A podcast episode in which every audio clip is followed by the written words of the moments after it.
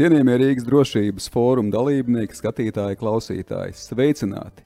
Šodien mēs atklājam šī gada virtuālā fóruma sarunas podkāsts, un mums ir liels prieks un pagodinājums šodien pie mums uz sarunu aicināt valsts prezidentu Egilu Levitu.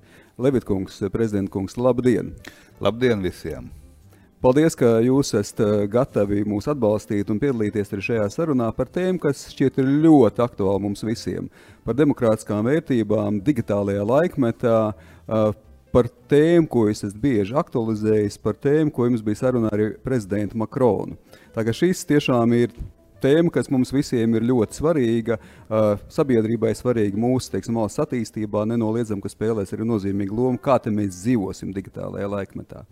Bet, ja par demokrātiju mēs runājam, tad, kā Čerčils ir teicis, ka nav jau īsti laba tā demokrātija, bet nekā labāk nav izdomāta, un ka tā ir labāka par visām citām pārvaldes formām. Bet demokrātija vienlaikus arī mainās. Un eh, nenoliedzam, ka digitālajā laikmetā tam ir savi izaicinājumi. Pasaule ir kļuvusi no vienas puses plakana, iespēja ziņā gan pēc Berlīnas sienas nojaukšanas politiski, un arī pēc interneta ieviešanas tīri tehnoloģiski. Mums iespējas ir visiem ļoti daudz dotas, un, protams, ka tas pasauli attīsta arī pozitīvi.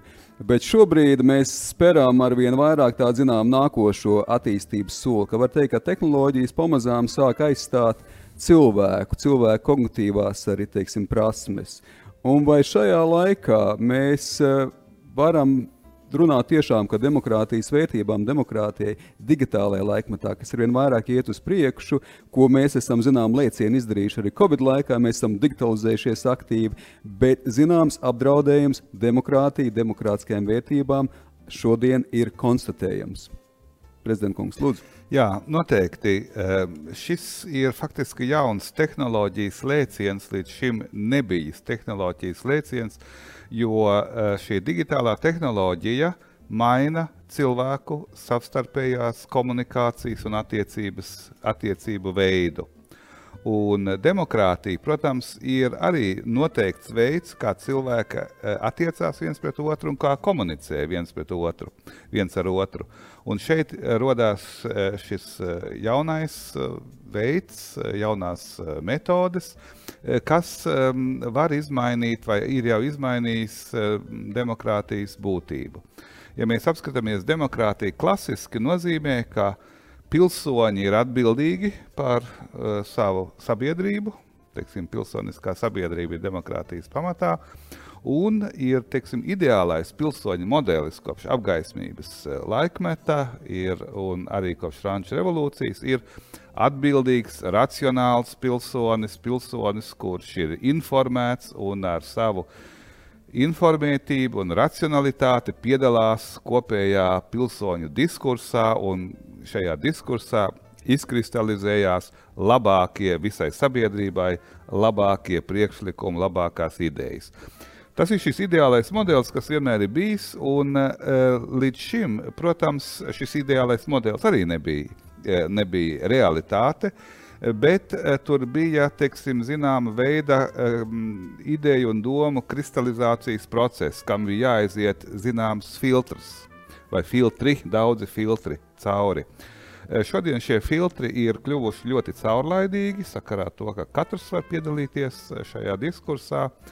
Un e, tas, protams, ietekmē um, arī lēmumu kvalitāti. Un demokrātija kā tāda, kā forma, un man jāsaka, demokrātijas absolūtais minimums un neviena cita iekārta nevar to pārspēt šajā ziņā, ir absolūta minimuma, ir definējis uh, Jesaja uh, Berlīns, um, kurš arī ir teicis, ka nu, demokrātijas faktiski vienīgais īstais labums ir tas, ka, ja pilsoņi negrib savu valdību, tad viņi var viņu nogāzt bez tā, kad ir nepieciešama asins izliešana. Nu, teiksim, tas ir tas minimums. Bet, teiksim, ja mēs gribam kaut ko vairāk, kā to, tad, protams, ir jāskatās uz eh, kādā veidā mēs nonākam pie kvalitatīviem eh, lēmumiem, kas beigās, eh, kas sakot, nāk par labu visai sabiedrībai. Un šeit ir tieši tā problēma, ja mēs varam par to tālāk teiksim, paskatīties, kā um, šī kopējā līdzdalība, kas ir daudz plašākā līdz šim, uh, ir zināmā veidā uzlabo kvalitāti, bet zināmā veidā arī samazina uh, lēmuma kvalitāti. Ja mēs runājam teiksim, tādā tehniskā līmenī, demokrātijas performance, kāda ir šī jaunās komunikācijas veida, veida uh, ietekme uz demokrātijas performanci. Prezidents kungs, bet uzreiz jautājums, uh, jo Jūsu parakstītajā kopā ar Lietuvas un Francijas mm. prezidentu paziņojumā Jā. bija faktiski šis nosaukums jau izteica visu - demokrātijas aizstāvība. Demokrātija Jā. ir jāaizstāv. Vai Jā. tiešām šobrīd mēs varam runāt, ka no vienas puses digitālā iespēja laikmetā demokrātija un demokrātiskās vērtības ir jāizstāv. Mēs modernizējamies no vienas puses, bet tajā mhm. pašā laikā tas rada izaicinājumus tam, ko jūs teicāt, jo apgais, apgaismības laikā mēs 200 gadus vairāk esam mm. dzīvojuši ar teiksim, vienu izpratni, zināmā veidā, mm. kas ir attīstījusies. Bet tagad mēs iespējams ielicam pavisam savādākā laukā. Jā. Tad, protams, ir jautājums par to, vai, eh, vai tas, ka uh, ir uh, ir demokrātijai, izējot no šī klasiskā modeļa, ir radušies jauni izaicinājumi, kur lielā mērā ir veicinājusi šī digitālā tehnoloģija. Mm -hmm. Teiksim, tas kopējais izaicinājums, ja mēs varam tā teikt, ir populisms. Populisms nozīmē, ka cilvēki piedalās demokrātiskajā viedokļu veidošanas procesā ar savu viedokli. Um, bet uh, mēs varam konstatēt arī, ka šis viedoklis var būt ja, bez vai ar vājiem filtriem. Ir diezgan viegli uh, ietekmējams, un to var manipulēt, teiksim, apzināti. Un otrs jautājums ir par šo um, kvalitāti. Protams, mēs varam teikt, ka pilsonim jābūt informētām, pirms tu izsaka kaut kādu viedokli, lūdzu, painteresējies, uh, izfiltrē, vai tie avoti, no kurienes tu esi ieguvuši informāciju, ticami vai mm. šie fakti ticami. Um, tā, protams, mēs varam uh, nedaudz uzlabot šo, šo uh, līdzdalības kvalitāti, bet nu, daudzos gadījumos tas nenotiek. Uh, nenotiek tādēļ, ka cilvēkiem vienkārši nav laika ar visu, uh, par visu pietiekoši dziļi interesēties. Un uh, otrkārt, tādēļ arī, uh, ir šīs manipulācijas iespējas ir tieši, tiešām ir daudz lielākas nekā līdz šim. Mm -hmm. Tā kā šie divi faktori var ietekmēt demokrātijas performanci. Es vēlreiz saku, mm -hmm. kas tas ir. Un ja demokrātijas gala rezultāti, ekonomiskie, sociālie, nu, neatbilst eh, vai krasi neatbilst tam, ko, nu, ko cilvēki vēlas. Tādā gadījumā var tikt uzstādīts jautājums, nu labi, mēs esam šeit demokrātijā, bet vai tas ir tik labi, vai nav tomēr citi modeļi, nu, būtībā autoritārismu virzienā, kā mēs dabūsim augstāku ekonomisko līmeni vai, vai sociālo labklājību. Tā līdzīgi tā kā demokrātija nevis tagad tīri tādā teorētiski politiskā eh, ziņā, bet praktiski reālā ziņā ir zināmā veidā atkarīga no lēmumu kvalitātes, kas demokrātijā tiek pieņemta. Un no zināmas efektivitātes arī lēmumi beigās jā. ir realizēti dzīvē un kā tie nodrošina labklājību un dzīves jā. kvalitāti vienkāršiem iedzīvotājiem. Jā, tieši tā. Jo šajā gadījumā ir šī diskusija, ka varbūt demokrātijas ir jautājumos, kur tās buksē un ka zināms efektīvais autoritārisms jā. varbūt dažkārt pat ir efektīvāks. Bet skaidrs, ka tas savukārt. Jā. Uh, Tas savukārt eh, nerada iespēju šīs demokrātiskās brīvības, kas demokrātijā ir dotas, realizēt, Jā. kur atkal ir tā otra puse. Un es domāju, ka tieši tagad, eh, nu, beidzamos manas pēc 20 gados, tad 21. gadsimtā, ir eh, parādījušies sabiedrības modeļi, teiksim, autoritāri vadītas, vai arī pat teikt, autoritāras demokrātijas, kā dažreiz tās tiek nosauktas, Austrumāzijā, arī nu, Krievijā, teiksim, tā performance, es neteiktu, ka tā ir labāka. Mm. Lielākā daļa šajās autoritāros režīmos tas. Tā, tas rezultāts ir sliktāks kā rietumu demokrātijas, bet ir parādījušies arī Austrumāzijā teiksim, mm -hmm. tādi modeļi, kas saka, nu, klausieties, vai jūs demokrātijā 20 gadu laikā varētu nodrošināt būtībā pastāvīgi simtiem miljonu cilvēku katru gadu IKP pieaugumu pa 5 līdz 10 procenti. Nu, nav tāds piemērs no, vai, nu, no, no, no rietumu demokrātijas. Un, tad, protams, saka, ah, šeit mums ir disciplīna un, un uh, stingra vadība, bet nu, tas rezultāts nāk pa labu visiem iedzīvotājiem. Tas ir, ir faktiski samērā jauna lieta. Ir, um, teiksim, tagad labi pēdiņās, es uzsveru pēdiņas, labi funkcionējošas autoritāras iekārtas, kuras varētu teikt, un arī konkurē, idejas konkurē ar rietumu demokrātiju. Prezidentkungs, bet noteikti mēs par šo tēmu arī varētu diskutēt bezgalīgi. Tas nozīmē Jā. arī to, ka kaut kur jau šī dinamika, attīstība arī pēc Fukujamas vēstures beigām, tas, ka demokrātija ir uzvarējusi, ka tomēr viņi turpinās. Šobrīd ar vien biežāk mēs runājam un sakam, ka tā ir neviena pasaule, kad ir dažādi līdzās pastāvoši modeļi, kurās mēs novērtējam, protams, kā demokrātiskās mhm. brīvības vērtības, un mēs tās aizstāvam un mm -hmm. gribam, teiksim, turpināt, bet nenoliedzam, ka šeit ir parādījušies arī citi modeļi. Bet es tomēr vienlaikus labprāt jūs vēstu atpakaļ pie tā stēmas, kas mums ir šodien varbūt tā centrālā tieši pie tās digitālās uh, transformācijas transformācijas un vienlaikus arī demokrātijas eh, attīstības, digitālās transformācijas kontekstā. Mums šobrīd Latvijā ir, ir eh, tikko sabiedrības apspriešanai nodot digitālās transformācijas pamatnostādnes. Eh, dokuments, kurā ir vairāk nekā 200 lapus. Demokrātija ir pieminēta vienreiz, demokrātisks ir pieminēts divas reizes. Mhm. Kopā uz 200 lapusēm trīs reizes pieminēti tie koncepti, par kuriem mēs runājam, ka mēs uzskatām, kas ir ļoti svarīgi eh, mūsu sabiedrības attīstībā. Vai nav tā, ka digitalizāciju mēs uztveram kā tādu nu, tīri tehnisku, tīri tehnoloģisku pro procesu, ka mēs neapzināmies to, ka tas, kā mainās šī tehnoloģija pasaule ietekmē cilvēku, ietekmē mūsu sabiedrību, ietekmē demokrātiju, ietekmē šīs vērtības. Vai nav tā, ka mēs esam pārāk nokoncentrējušies uz šo tehnisko, tehnoloģisko procesu, un šī saruna par vērtībām ir ļoti nepieciešama? Jā, noteikti. E, tieši tā tas ir. Mēs, um, mēs atrodamies tajā situācijā, ko es jau esmu vairāk kārt salīdzinājis ar uh, vides aizsardzības jautājumiem, un proti 20. gadsimta 70. gados. Līdz tam laikam cilvēks bezbēdīgi piesārņoja pasauli, un neviens par to īpaši neuztraucās. Tad bija 70. gados, bija atsevišķi domātāji vai aktīvisti, kuriem saka, ziniet, varbūt tomēr nebē, nemetīsim tās mantas ārā mežā un mēģināsim, kā sakot, to e, dabu tomēr e, un vidi aizsargāt. Bet lielākā daļa domāju, nu, kas ir tie tādi drusciņi, teiksim, tādi īpa, īpatņi. Neviens par to īpaši nerūpēs.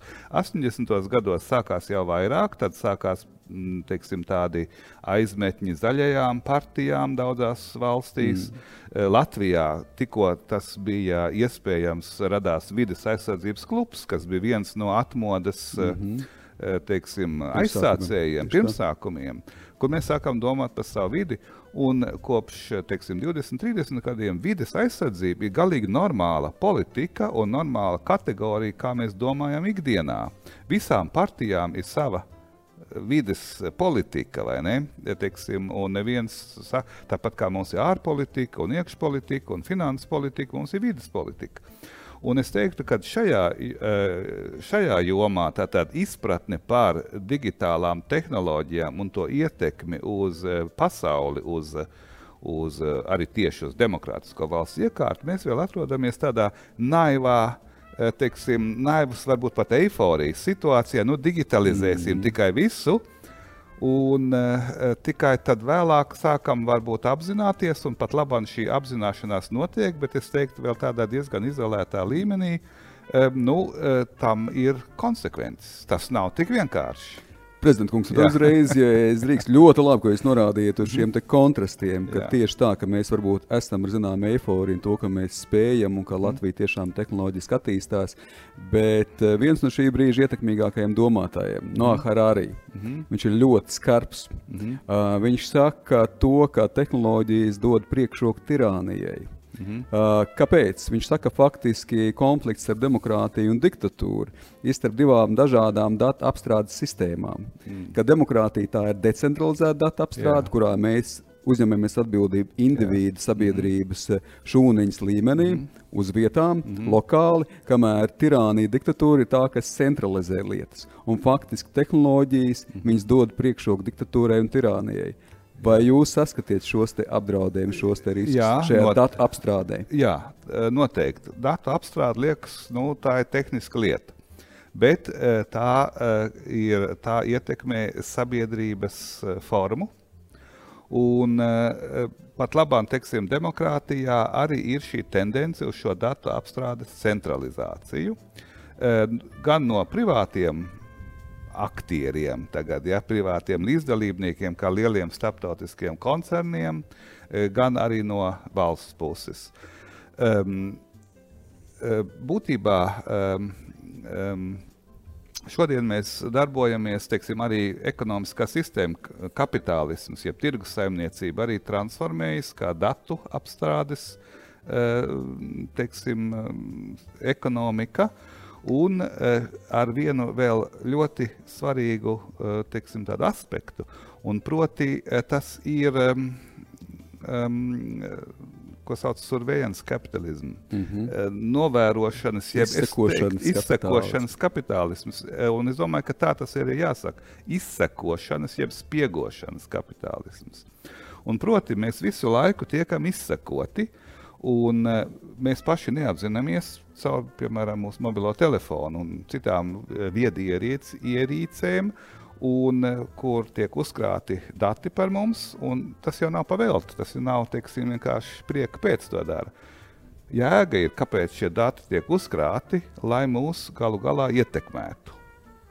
Tā ir tā jēga. Ja nevarētu ietekmēt, tad jau nebūtu, kā sakot, jāuzkrāj šie dati. Eh, Kā tas notiek? Protams, eh, mūsu uzturēšanās vieta, mūsu sarunas, mūsu e-pasti, satversmes 96. pantā, un tas pats ir arī citās konstitūcijās, ir teikts, eh, pastāv korespondences noslēpums. Kolēģi, kur mums vispār ir korespondences noslēpums tagad? Protams, ka viss, viss um, kā sakot, ir, ir atklāts.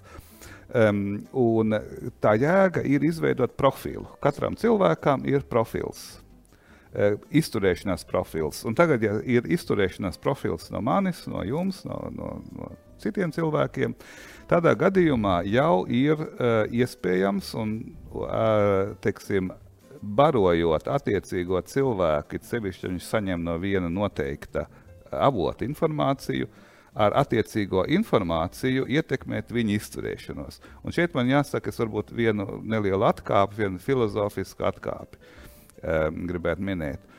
Un proti, um, līdz šim mēs uzskatījām, ka cilvēks savā dziļākajā būtībā ir melnā kaste, black box.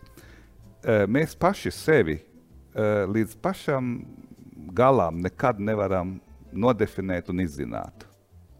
Mēs nezinām, kādā situācijā mēs kā rīkosimies. Lielā mm. mērā jā, bet tomēr līdz simtprocentīgi galam mēs to nevaram. Bet tagad ar šādu profilu palīdzību ļoti precīzi ir iespējams iegūst, teiksim, cilvēkam iedot šādu informāciju, viņš rīkojas tā, iedot citu informāciju, viņš rīkojas citādi. Un tādā veidā, protams, ir iespējams manipulēt, eh, to parasti dara, teiksim, es teiktu tādā nu, vismaz pēdiņās, bet nu, tomēr pietiekoši nevainīgā veid, eh, veidā demokrātijas. Viņi grib ietekmēt, lai es nopērku šo ūdeni vai to ūdeni. Jā. Teiksim, vairāk komerciāli. Bet to var ļoti vienkārši ietekmēt arī politiski. Un tas ir tas jautājums. Bet tieši tā, bet tad mums reiz ir nākošais jautājums. Un, uh, atkal skarbs no Harārī mutes, kas ir izskanējis, kad viņam uzdeva jautājumu par to, kā tad izskatīsies tas, kas notiek šodien arī Covid laikā, pasauli demokrātijas pēc 20 gadiem. Ko tas īsti nozīmē? Un viņš saka, ka pēc 20 gadiem mēs atskatoties uz šo laiku, teiksim, ka tas ir tāds zināmā veidā, vai šeit ir risks, ka mēs varam teikt, ka tas ir tāds totālās izsakošanas laika sākums. Jūs teicāt par izsakošanas kapitālismu. Vai mēs varam iet, diemžēl, runāt par riskiem, ka tas ir tikai izsakošanas kapitālisms, bet izsakošanas demokrātija? Jā. Jo to, ko jūs minējāt arī par profiliem, Jā. tas nav tikai par naudu. Jā. Tā vien izskatās, tas arī ir par mūsu sabiedrības pārvaldes veidu. Jā. Tieši tā, un tādēļ arī jautājums par pārvaldības digitalizāciju ļoti, ļoti rūpīgi eh, jāpārbauda tieši šis moments, eh, jo eh, mēs gribam, un tas ir mūsu teksim, politiskās filozofijas pamatnostādne, ka impulss informācijas ieguvēja impulss, sākotnējais impulss, un, un mūsu rīcībā ir jānāk no manis paša. Piemēram, informā, piemēram nu, Facebookā jau ir tā, ka teiksim, cilvēkam raksta ļoti daudz dažādas ziņas, bet Facebook prasa izšķirt, kuras ziņas tev tiek parādītas. Un tas, tas ir, protams, ar zināmu algoritmu, mm -hmm. ar noteiktu mērķi tiek parādītas šīs ziņas, bet neparādītas tās. Un ir faktiski nav īsti iespējams man atrast tās ziņas, ko es varbūt gribētu, bet, bet nu, man nerāda. Un es teiktu, ka šis ir tas jautājums, kur, kur ir, mēs atrodamies, es teiktu, tā uz sliekšņa ieejai šādā mm. sabiedrībā. Uh, Un runa ir faktiski par cilvēka autonomiju. Par cilvēka autonomiju tādā izpratnē, vai mēs paši varam vēl autonomi, kas tātad impulss nāk no mums, gribas impulss nāk no mums, eh, vēl pēc 20 gadiem varēsim, kā sakot, teikt, šis ir autentiska mana griba, jeb tā jau ir griba, mm. kas ir ietekmēta mētiecīgi no ārpuses. Un šis ir jautājums arī, ko Harārī uz, uzstāda un arī, um, arī uh, citi. Um, par to, nu, kas tad ir cilvēka un cilvēces jēga. Tas tomēr ir, uh, teiksim, mēs uzskatām, ka mums ir brīvā griba, vai tā patiešām ir. To neiroloģi vēl varbūt nesaka, bet mēs ne, nezinām, bet, bet teiksim, mēs izējām no šāda pamatpieņēmuma ka mums ir brīvā griba un mēs paši kaut ko gribam, un mēs attiecīgi rīkojamies. Bet, ja šī griba vairs nav brīva, kaut gan mums pašiem viņa manipulēta, kaut gan mums pašiem liekas, ka tā ir, ir pietiekoši brīva, tādā gadījumā mums vairs nav referenci, kā mēs varam to sevi novērtēt. Piemēram. Tā kā es teiktu, ka šis ir viens solis, kur ir jāskatās, protams, no ekonomiskā viedokļa. Ļoti pareizi jūs teicāt, no valsts pārvaldības viedokļa šīs centralizācijas eh, tendences, un, un trešais arī no filozofiskā viedokļa. Vai es joprojām gribu palikt brīvs? Brīvs mm. tādā ziņā, ka man ir brīva griba un impulsi nāk no manis, no manis likšķinējās biogrāfijas un nevis uh, konkrēti, kā sakot, ietekmēt no ārpuses, lai es gribētu šo un nevis to. mm -hmm. Bet, prezident kungs, uh, es domāju, ļoti svarīgi, ka jūs pasvītrojat tieši tā šīs brīvības un brīvas izvēles uh, šo svarīgumu un nozīmīgi, tīpaši demokrātiskā sabiedrībā. Jūs vienlaiks arī sarunā ar Makronu runājat par demokrātijas korumpēšanu. Ko jūs ar to domājat? Jā. Kā no tā izvairīties? Kas būtu jādara, lai mēs demokrātiju nekorumpētu digitālajā laikmetā? Nu, es teiktu tā, eh, ja mēs ņemam nopietni un joprojām eh, uzturam tās demokrātijas vērtības, ar ko mēs iesākām mūsu sarunu. Eh, demokrātijas vērtības tādā ziņā, ka demokrātijas pašā, pašā, pašā pamatā ir priekšstats par cilvēku kā pašvērtību un par cilvēku kā autonomu vienību, kurš eh, teksim, veido sevi, savu likteni, savas attiecības ar sabiedrību. Ja mēs to ņemam nopietni, un uz tā uzbūvējas faktiski visa demokrātijas mm -hmm. teorija tālāk, un, un arī faktiski prakse, vai ne? Teiksim, mums, ja mēs to joprojām pieturamies pie tā, tādā gadījumā mums ir no, šī, no šīs pozīcijas jāvērtē šīs jaunās mūsdienu eh, attīstības. Un mums ir jāvērtē par to, vai mēs gribam tikt visu laiku izsekoti. Tas jau nav tā, kā e, teiksim, tā, tas, e, tā būtībā ir tas, ka tas ir pieļauts pie e, mums tādā veidā novērot, izsekot. Ir piemēram ārkārtīgi grūti teiksim, veselības dati vai cik soļus pa dienu esi nogājis. Un ir ārkārtīgi grūti to paturēt tikai savā telefonā, jo visas programmas, visas programmas to sūta uz uh, attiecīgās programmas uh, piedāvātāju, tie tie lielie koncerni. Un, protams, viņi man uzzina visu par manu uh, daudz labāk nekā es ikdienā varu sekot par veselības stāvokli. Veselības stāvoklis savukārt ir ļoti svarīgs faktors, lai novērtētu rīcību un kādā veidā cilvēku var ietekmēt. Bet tīri teorētiski iespējams, labi, es gribu skaitīt savus soļus, ko es šodien gāju, bet es negribu, ka tie dati tiek sūtīti prom. Es gribu, lai tas paliek šeit, pie manis, manā telefonā vai manā attiecīgā aparātā. Un tas ir jautājums par politisko izšķiršanos, par likumdošanu. Ja tas būtu aizliegts, nu, tādā gadījumā es teiktu, tas būtu. Šis jautājums būtu, būtu tādā veidā nokārtots.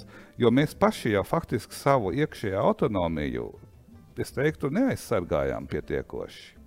Un uh, pieļaujam šāda veida uh, izsekošanu. Protams, es to daru, un droši vien daudz citu arī dara. Es uh, mēģinu visu noslēgt, teiksim, tos datu sūtīšanu, kas daļai ir iespējams, bet nevis pilnīgi um, tad, eh, teiksim, um, nu, pilnīgi tas nav iespējams, un eh, nu, tomēr varbūt drusku to var ierobežot, bet nu, katrā ziņā es teiktu tā, tas ir vai mēs kā sabiedrība apzināmies šo problēmu un gribam, lai tas tādā veidā notiek. Uh, Kāpēc tas tā notiek? Tāpēc, ka cilvēki nav pievērsuši pietiekošu uzmanību šim aspektam, šim bīstamajam aspektam, par ko runā arī Harāri. Mm -hmm. Viņš projicē to situāciju nevis tikai šodien, bet kas būs pēc 20 gadiem. Un, eh, es domāju, ka uh, tas jautājums ir, ko tehniķi, inženieri, programmētāji, zinātnieki daļēji uzstāda, ir, ko tehnika spēja Tagad atkal iespēja vēl to, vēl to. Kaut kas ir vienmēr jauna tehnika, kļūst ar vien spējīgāk uz dažādām lietām, darbībām. Bet man liekas, ka demokrātijā pareizais jautājums ir nevis, ko demokrātija spēj, bet ko, dem, eh, ko es atvainojos, nevis ko tehnika, digitālā tehnika un tehnoloģija spēj, bet ko mēs gribam no tehnoloģijas, kas tehnoloģijā ir būtu jādara. Tas ir no mūsu gribas. Mēs uzdodam uzdevumu, ko mēs gribam, un šito mēs negribam. To mēs gribam. Prezidents Kungs, tajā labākajā variantā. Jā. Tā līdz šim ir bijis jautājums, vai tā būs nākotnē, vai nu, mēs spēsim kontrolēt mākslīgo intelektu, robotizāciju un teiksim, visus šos lielos datus, kas ar vien vairāk un vairāk arī mūs iesaistīs zināmā teiksim, izspēlē un dinamikā. Nu, tieši tā tas ir jautājums. Pat mākslīgo intelektu ir vēl viens solis tālāk, tūlīt mm -hmm. pieminēšu. Bet tas jautājums ir, vai mēs gribam, mums vajadzētu diskutēt sabiedrībā, pieņemt politisku lēmumu, ka mēs tiekam pastāvīgi izsakoti. Kolēģi, es to negribu. Nu, un, ja es dabūtu vairākumu, ne tikai šeit ir samērā komplicēta ar uh, nu, globālo tehnoloģiju, ne tikai pie mums, bet vismaz Eiropas Savienībā, varbūt uh, globāli kaut kādā veidā. Prezidents, jo tas nav izsakot no kā puses? No, no kompāniju puses vai arī no valsts puses? No, no kompāniju un no valsts puses. Tās gan, kompānijas gan. tik daudz nemaz nav. Tas ir pāris, mēs mm. visi viņus pazīstam. Tas ir pāris kompānijas, kuras ļoti grūti dodas rokā, teiksim, tādā veidā. Es uh, Luksemburgas uh, Eiropas Savienības tiesā um, man bija lielās Google lietas un, un Facebook lietas, kas, protams, viņiem arī ļoti nepatika. Šie spriedumi, kas nedaudz mēģina tos sakot, notvert un ierobežot. Bet es domāju, tas ir centrāls politisks jautājums, kas ir jārisina. Nu, Latvija, protams, ar to var izsnākt, bet es teiktu, Eiropas Savienība ir tiksim, tāds piemērots mm -hmm. platforma. Par to mēs uh, diskutējām arī prezidentu platformu, uh, prezidentu, prezidentu Makrona, kas viņa vizītē nesen šeit, gan uh, šajā publiskajā diskusijā, gan arī, gan arī ārpus tās. Un es domāju, ka šāda veida uh, sakot, apziņa pieaug Eiropā, ka tagad ir šis jautājums izšķirties, ko mēs politiski gribam no tehnoloģijas. Tas ir politisks jautājums. Es domāju, ka tā ir laba lieta, ka tieši tā šī saruna attīstās, ka šie mēģinājumi arī saprast, ko mēs gribam, kā mēs to varam uh, koordinēt. viens juridiskā ziņā, bet otrs arī tīri filozofiski, politiski attiecībās Jā. ar sabiedrību cilvēkiem. Es domāju, tas ir ļoti svarīgi. Jūs parakstījāt šo kopīgo paziņojumu par nepieciešamību aizsargāt demokrātiju, novērst vēlēšanu manipulāciju, dezinformāciju, kibertāps apdraudējums tika arī pieminēti. Ja runā par vēlēšanām, arī šī diskusija šobrīd Latvijā sāk izvērsties. Uh, no vienas puses mēs runājam par to, ka mums jāizmanto tehnoloģijas, bet vai tur nav tie riski? Vai Latvijas vēlētājiem vajadzētu dot iespēju arī balsot elektroniski? Jo šobrīd tieši pēdējā laikā šī diskusija Jā. sāk parādīties, ka arī balsojot mēs jau vēl papildus dodam savus datus, un ka nav tāda lieta kā teiksim, aizklāta balsošana elektroniski. Kā jūs uz to skatāties? Um, es būtu nedaudz skeptisks. Ja, protams, ir iespēja uh, visu, visu, visu nodrošināt, varbūt. Uh, viena problēma ir pilnīgi skaidra, ir tas, ka ir vēlēšanām jābūt aizklātām. Bet, mm -hmm. protams, elektroniski sēžot pie datora, es jau nezinu, vai man kāds tur nestāv blakām, vai vismaz mēģina ietekmēt. Teiksim, tas, bet to, to var novērst ar to, ka tu katrā brīdī vari mainīt savu, savu, savu izvēli. Pēc minūtes var no jauna vēlēt, un vienmēr skaitās tā pēdējā. Bet uh, tas, tas ir viens jautājums. Ir bijis uh, Vācijas konstitucionālās tiesas spriedums, kas aizliedza elektronisko balsojumu, balsojumu. Un kādēļ? Tādēļ, uh, ka to mēs nevaram konstatēt kļūdas vai nevaram pietiekoši ticami konstatēt kļūdas un manipulācijas.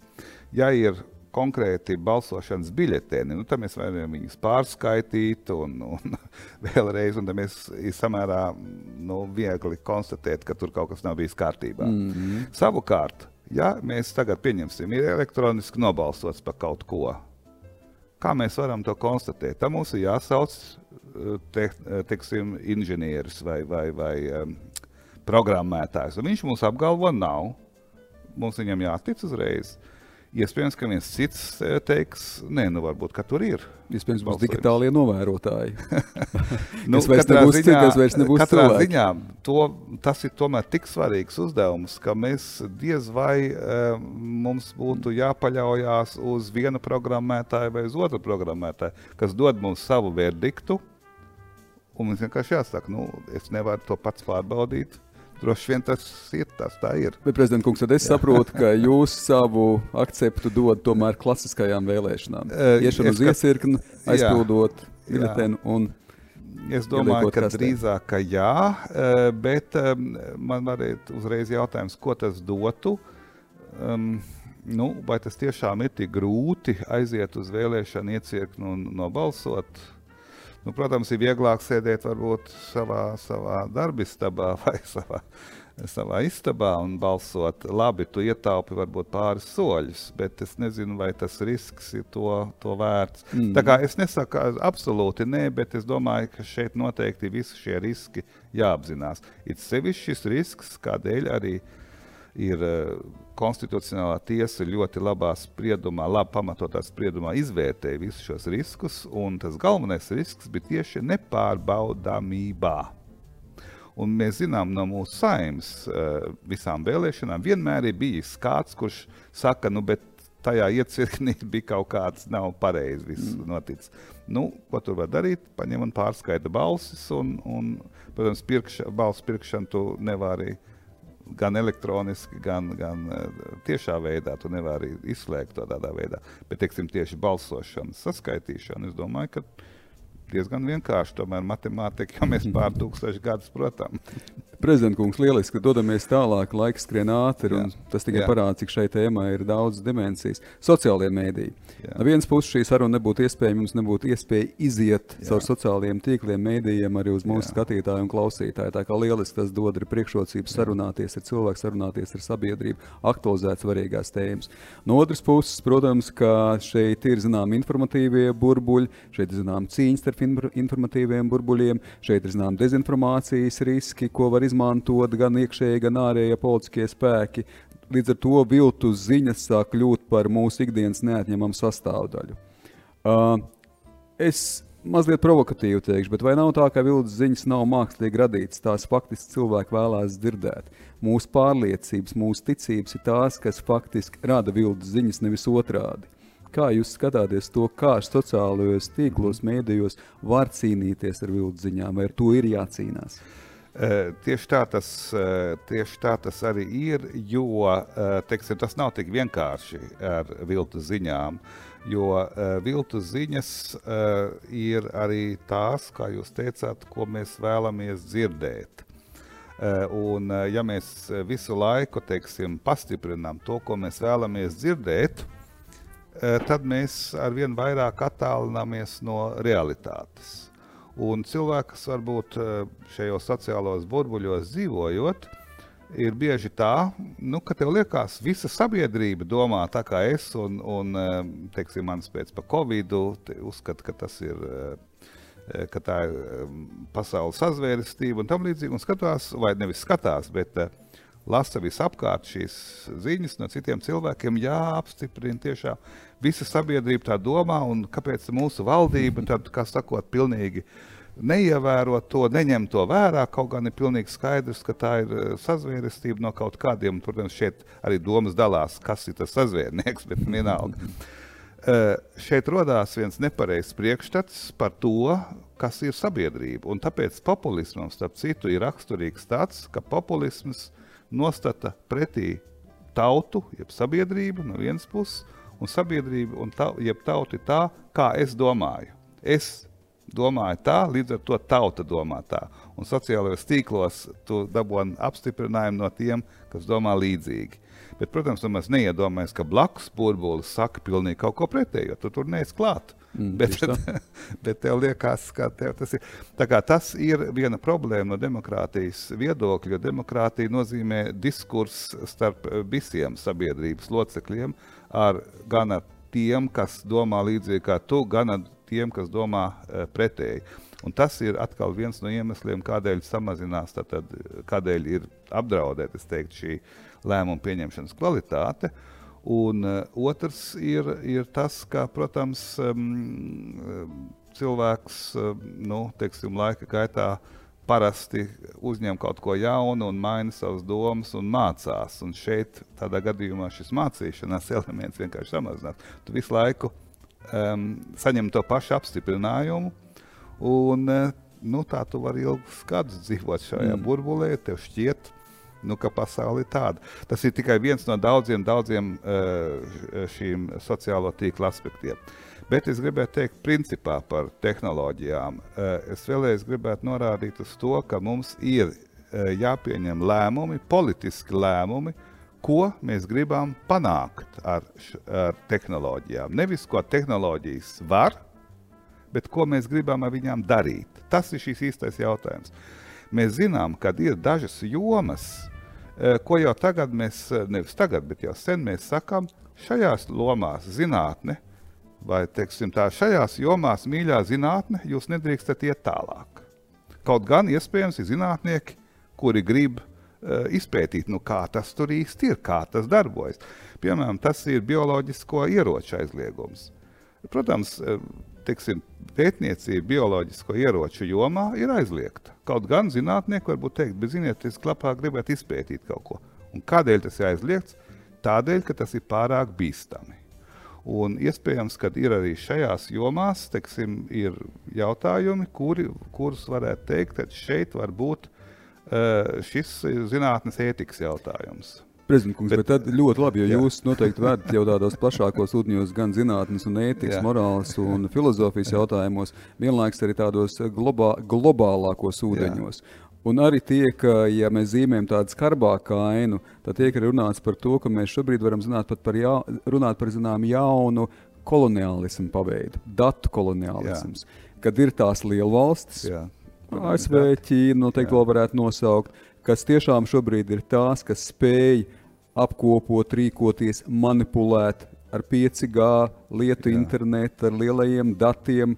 Un līdz ar to, principā, ka lielām valstīm, protams, tās iespējas ir daudz lielākas. Mazas valstis, mm. Latvija ir maza valsts, tajā globālajā, mm. digitālajā okeānā. Mm. Kāds ir tās mūsu iespējas ietekmēt arī lietas un kaut kādā veidā, teiksim, tā veidot arī šo globālo vietu, kas arī mazām valstīm ir vajadzīga un izdevīga? Es teiktu tā, ka. Uh, uh, digitālā tehnoloģija ir uh, grūti noturāma valsts robežās. Ir zināmas, piemēram, dažādas datubāzes, kas mums ir šeit, un tās ir noslēgtas, ir iespējams.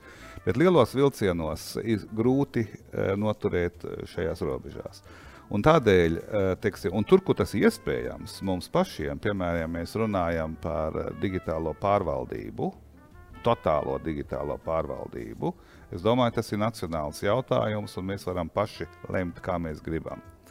Bet uh, es teiktu, piemērota platforma ir tiešām Eiropas Savienība. Tas ir viens no lielajiem pasaules centriem, joprojām nevis tas pasaules centrs, kā tas bija pirms simts gadiem, bet viens no vairākiem. bet nu, pietiekoši liels un spēcīgs. Un šeit es domāju, ka Latvija, kā līdztiesīga Eiropas Savienības dalība valsts, mēs varam piedalīties šīs Eiropas sabiedriskās domas veidošanas procesā. Es gribētu uzsvērt to, ka tagad, 30 gadus pēc neatkarības, mēs līdz šim runājam par Latvijas eiropeizāciju. Un tā bija asimetriska. Asimetriska mēs pārņēmām un pieņēmām standartus un, un uh, idejas no tā saucamās Eiropas, kur mēs sevi it kā tas bija kaut kur citur. Mm. Es domāju, ka tagad lēnām uh, Latvijā, bet arī visā tā saucamajā jaunā Eiropā ir, no, ir izveidojusies teiksim, nu, jauna doma, kas uh, kļū, gūst uh, ar vien lielāku pārsvaru. Klau, mēs šeit paši esam Eiropā. Mēs arī paši, uh, kā sakot, šie standarti, kas ir mums, tie ir Eiropiski standarti. Un, un kopā ar Beļģiem, un Portugāļiem un pārējiem mēs šo standartu veidojam. Tur arī piedalās mūsu vērtības. Uh, Eh, un es gribēju teikt, to, ka šajā situācijā arī Latvijai ir iespējas, un tās būtu aktīvi jāizmanto, teiksim, līdzdarboties Eiropas um, sabiedriskās politiskās domas attīstībā. Piemēram, um, mēs jau pieminējām prezidenta Makrona vizīti un sarunas, un man likās, ka bija ļoti labi. Viņš pilnīgi, teiksim, mums bija vienas domas par šo jautājumu, un mēs arī abi konstatējām, uh, kā uh, Eiropas sabiedriskā doma vēl, kā sakot, šo problēmu nepietiekoši apzinās. Ne? Bet nu, mums ir iespējams uh, kopā ar citiem, mm, kā sakot, uh, līdzdarboties. Kādēļ Latvijai tas ir vēl izdevīgi? Nevis izdevīgi, bet efektīvi tādēļ, ka neviens nav mums priekšā. Nav tā, ka kaut kur būtu jau sakot, šīs idejas, šie principi, kādā veidā mēs apējamies atbildīgā veidā ar digitālām tehnoloģijām. Mm. Nav tā, ka kaut kur būtu, mums būtu tikai jāpārņem. Nekur tas nav. Un ja mēs aktīvi šeit domājam, un mūsu valsts ir kompakta valsts, divi miljoni iedzīvotāji, drusku mazāk, ir diezgan viegli eh, teiksim, jaunas idejas ieviest. Es domāju, ka tas varētu būt diezgan efektīvi arī Eiropas līmenī. Prezidents, lieliski, bet tieši varbūt tāda vēl papildus šis noslēdzošais jautājums. No vienas puses tieši tā, ka mums ir iespēja arī mm. veidot dienas kārtību, kā Eiropas valstī ir Eiropas līmenī. Tajā pašā laikā, protams, ka šie ir šie eksistenciāli permanentie jautājumi Jā. par brīvības un zināmas nedrošības līdzsvaru. Mm -hmm. Jo demokrātijām, kāds ir Eiropas valsts, tomēr savā, savā absolūtā vairākumā. Uh, ir, uh, nu, mēs varam runāt, ka mēs no vienas puses ir mūsu spēks, šī dažādība un atvērtība, bet tā ir arī mūsu ievainojamība.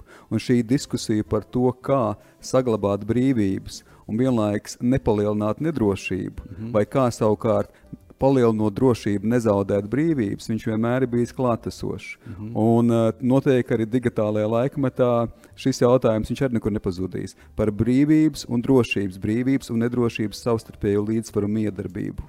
Jā.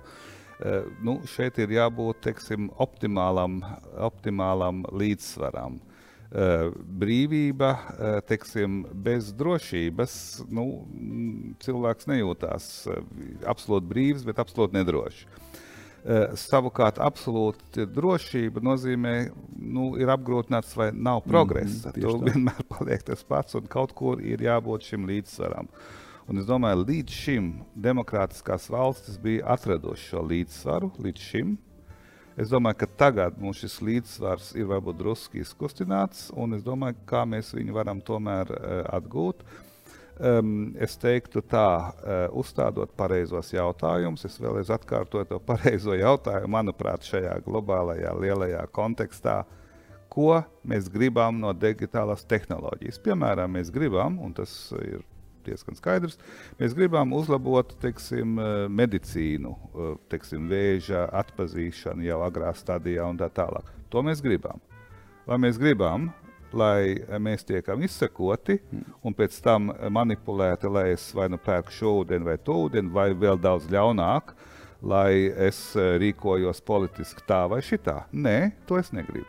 Un es domāju, ka šis ir tas jautājums, kas ir jāuzstāda uh, mums šajā sabiedriskā diskusijā, gan nacionālā līmenī, bet, protams, arī Eiropas līmenī. Un es domāju, tas ir politisks jautājums, tas nav tehnisks jautājums. To, to neizšķir programmētāji, to izšķir cilvēki, pilsoņi, kuri domā par šo jautājumu un izdara šo izvēli. Prezidentkungs, eh, lieliski paldies. Eh, noteikti šī saruna arī ir daļa no demokrātijas, no demokrātiskā procesa. Un jāsaka, jau arī vēl viena viedā cilvēka vārda Mahatma Gandhi. Viņš teica, ka, lai demokrātija funkcionētu, svarīga ne tikai faktu zināšana, bet atbilstoša izglītība. Izglītība, kas sev ietver prasmes, mm. uh, mēdīju pratību, digitālu pratību, izglītība, kas sev ietver kritisko domāšanu, bet izglītība noteikti, kas ietver sev arī atbildību par šīm lietām runāt, mm. apzināties šo demokrātijas brīvību svarīgumu, jo mēs par tām visām esam cīnījušies, un noteikti digitālajā laikmetā mēs tās negribētu arī atdot nekā kādam citam paveidam, kas it kā varētu būt efektīvāks un likt mums tā domāt. Tā kā prezidenta kungs lieliski, paldies. Es domāju, šī saruna mums ir jāturpina. Šīs noteikti visiem ir aktuālas tēmas, un noteikti tā ir arī nākotne, kas noteikti kļūs vēl aktuālāk. Paldies! Jā, paldies jums, un es domāju, ka šie jautājumi, par ko mēs šodien runājām, 20. gados, mēs esam 20. 20. gadu pirmajā gadā, būs centrāls jautājums ne tikai Latvijā, bet visā politiskajā diskursā demokrātiskās valstīs, Eiropā un, un globāli. Un eh, mēs, esam, mēs varam eh, pieslēgties šai diskusijai, vai tieši otrādi, nevis tieši otrādi, bet e, specifiski to veicināt ar savu domu un ar savu politisko nostāju, ar savām vērtībām un ar savu viedokli. Prezidents kungs, liekam komatu. Paldies! Paldies! Jums.